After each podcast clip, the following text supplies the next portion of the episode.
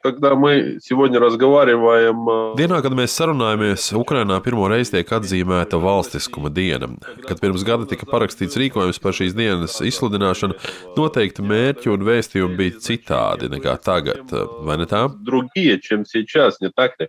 И это нужно спрашивать не у меня, это надо спрашивать у президента Владимира Зеленского и тех, кто готовил этот указ. Tas nav jāprasa man, bet gan prezidentam Zelenskim vai tiem, kuri šo rīkojumu sagatavoja. Šī diena tradicionāli ir bijusi Krievzemes kristīšanas diena, ko paveica Kijivas kņazs Vladimirs. Iespējams, šī rīkojuma autori vēlējās tam piešķirt arī kaut kādu politisku nozīmi. Ukrainai daudz nozīmīgāks ir 24. augusts. Tā ir diena, kad 1991. gadā tika pasludināta Ukrainas valsts. Tāpat, manuprāt, nozīmīgs ir arī Ukrainas Tautas Republikas pasludināšanas datums, ko varētu salīdzināt ar Latvijas Republikas proklamēšanas dienu. Es vairāk orientētos uz šiem datumiem, taču šī piedāvājuma autori droši vien gribēja sasaistīt Krievzemes kristīšanu ar Ukrainas zemju valstiskumu. Taču uz to brīdi valstiskums jau bija. Bija kņazi un kņazs Vladimirs pat nebija pirmais šīs Kīvas Krievzemes valdnieks. Šeit tiešām varētu uzdot daudz jautājumu par šo svētku politisko saturu. Taču nozīmīgs ir arī pats kristīšanas fakts, kas noteica šo zemju iedzīvotāju civilizācijas izvēli. Население этих земель, безусловно, тоже очень важно, это тоже понятно. Но цель нашего разговора больше была... Mūsu sarunas tēma gan vairāk saistīta ar jūsu un manu kopīgo darbu, ar žurnālistu darbu.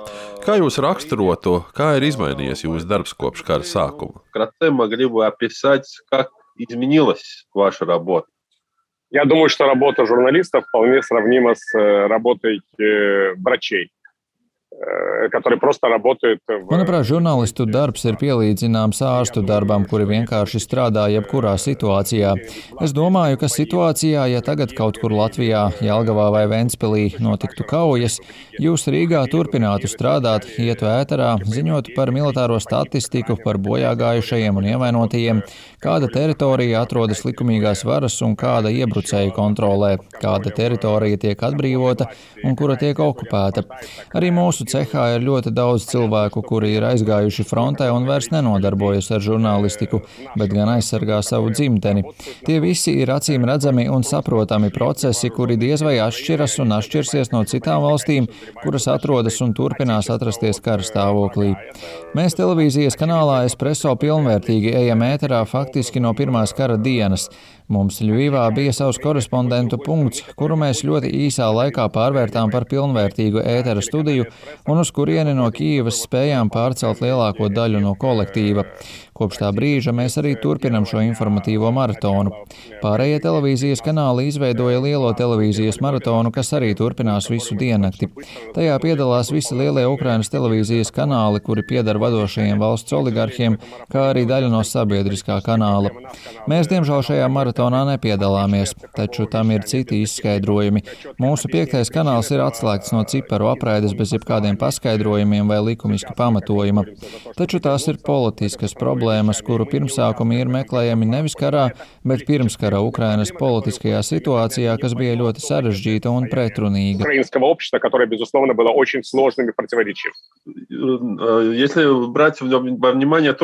Ņemot vērā jūsu teikto, es gribētu jautāt, cik šajā situācijā ir iespējams pieturēties pie tā, lai informāciju atspoguļot cik vien iespējams objektīvi. Nerad tiek teikts, ka informācija tiek pasniegta ļoti vienpusēji.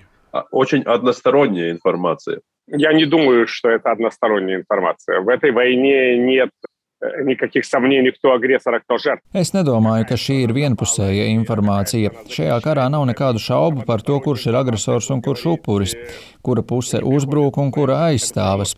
Tā kā par vienpusēju informāciju runāt nevar. Tas būtu tāpat kā runāt par vienpusēju informāciju atspoguļojot 1940. gada notikumus. Man bērnībā bija padomi propagandistu Rīgā izdota grāmatiņa. Lūk, tā bija vienpusēja informācija, jo tā aprakstīja Latvijas padomju okupāciju okupāciju kā darba ļaužu sacelšanos pret buržuāzisko valsti un skaidroja valstiskuma likvidēšanu.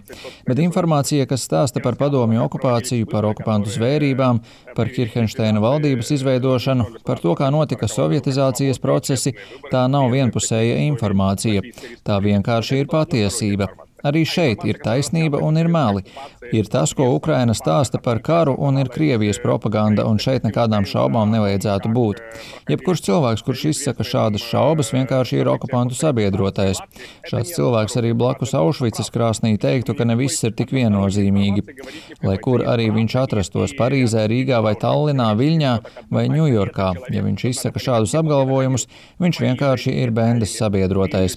Tas ir cilvēks, kurš arī ir morāli atbildīgs par Krievijas okupantu pastrādātajiem noziegumiem, un šiem cilvēkiem tas ir skaidri jāpasaka, un viņiem nevajadzētu šaubīties, kas viņi ir. И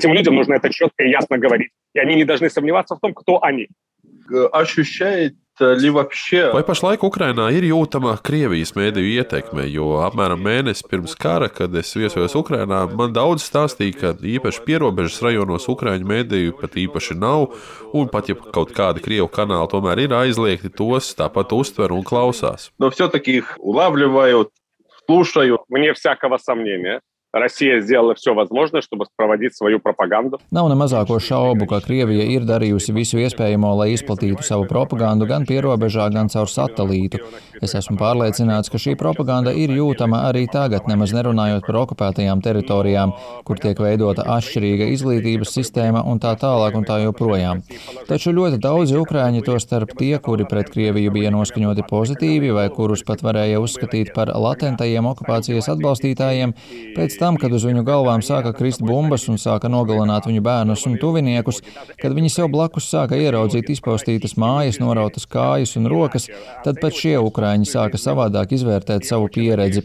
Un es ļoti ceru, ka Ukrainā, kas tiks atbrīvota no Krievijas, vairs nebūs to miljonu cilvēku, kuri gribētu, lai mūsu valsts kļūtu par daļu no kaimiņu valsts.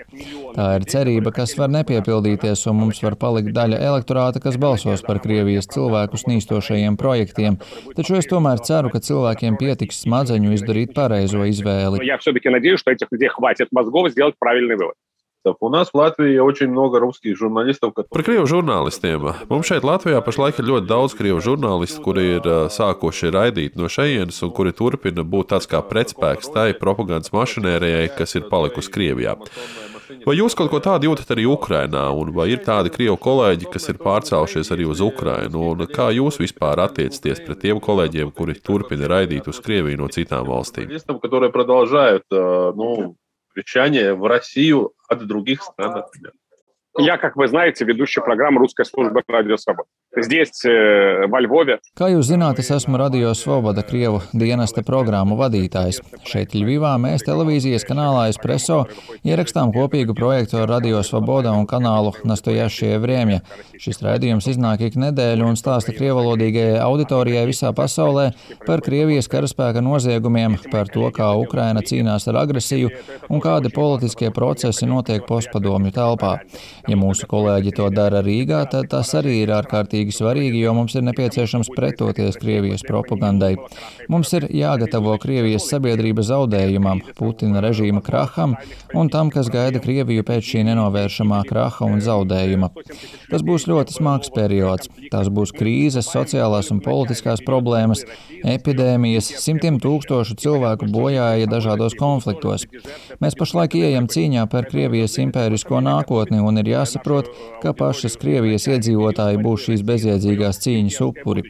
Mums ir jāsagatavo krievalodīgā auditorija, daļa no kuras arī rietumos atrodas cilvēku nīdēju propagandas ietekmē, kā arī pašu Krievijas auditoriju, lai viņi skaidri saprot visu to pārbaudījumu apjomu, kuri viņiem būs jāpārdzīvo 21. gadsimtā. Tas būs karu un ciešanu gadsimts. Nu, же, могут... Taču citi atkal teiks, ka šī izskatās pēc pretpropagandas. Propaganda. Я думаю, что нет никакой противопропаганды. Есть правда и пропаганда. Люди, которые... Es uzskatu, ka nav nekādas pretpropagandas. Ir patiesība un ir propaganda. Cilvēki, kuri stāsta šādas muļķības, var vienkārši dzīvot savā pasaulē. Taisnība nevar būt propaganda.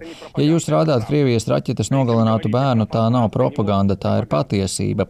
Bet ja jūs sakāt, ka tēmējat militārajā mērķī, tad tā nav patiesība, bet propaganda. Kas tur nav saprotams? Если вы при этом целились в военный объект, то это не пропаганда, а неправда. Что тут непонятно? у многих, которые живут, ну, nu, daudziem, kuri dzīvo mierīgos apstākļos, šādas šaubas varbūt tomēr varētu rasties. Сомнения, может быть, появиться. Многие, кто живут в мирной атмосфере, уже завтра могут жить. Daudzi, kuri pašlaik dzīvo mierīgos apstākļos, jau rīt var dzīvot kara apstākļos un tieši tāpat zaudēt savus bērnus un tuviniekus. Viņiem tam ir jābūt psiholoģiski gataviem. Должны быть к этому психологически готовы. Как вам э, кажется, как Un вам kā jums liekas, cik veiksmīgi jums izdodas nodot savu vēstījumu krievalodīgai auditorijai, tostarp Krievijā? до этого русскоязычного населения тоже в России? Это вопрос моей аудитории. Я вижу просмотры своих программ, я вижу реакции на свои программы. Tas ir jāprasa manai auditorijai. Es redzu savu programmu skatījumu skaitu un redzu reakcijas. Paralēli Ukrāņu YouTube kanālam man ir arī krievalodīgais kanāls, un tam ir arī ļoti liela auditorija. Tāpēc es cenšos runāt ar šo dažādās valstīs dzīvojošo auditoriju, kas runā vienā valodā.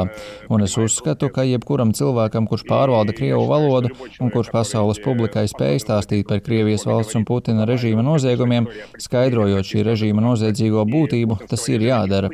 Tas ir mūsu uzdevums, jo bez šāda uzdevuma mēs atradīsimies uz trešā pasaules kara sliekšņa, un tad mēs nerunāsim par to, kā mums šeit Ukrainā izdodas pretoties Krievu propagandai, bet gan to, cik daudz cilvēku ir gājuši bojā taktiskā kodola uzbrukuma laikā Rīgai vai Viļņai, un tā jau būs pavisam cita saruna. Кстати, тактического ядерного удара по Риге, например, или по Вильнюсу. Это будет совсем другой разговор.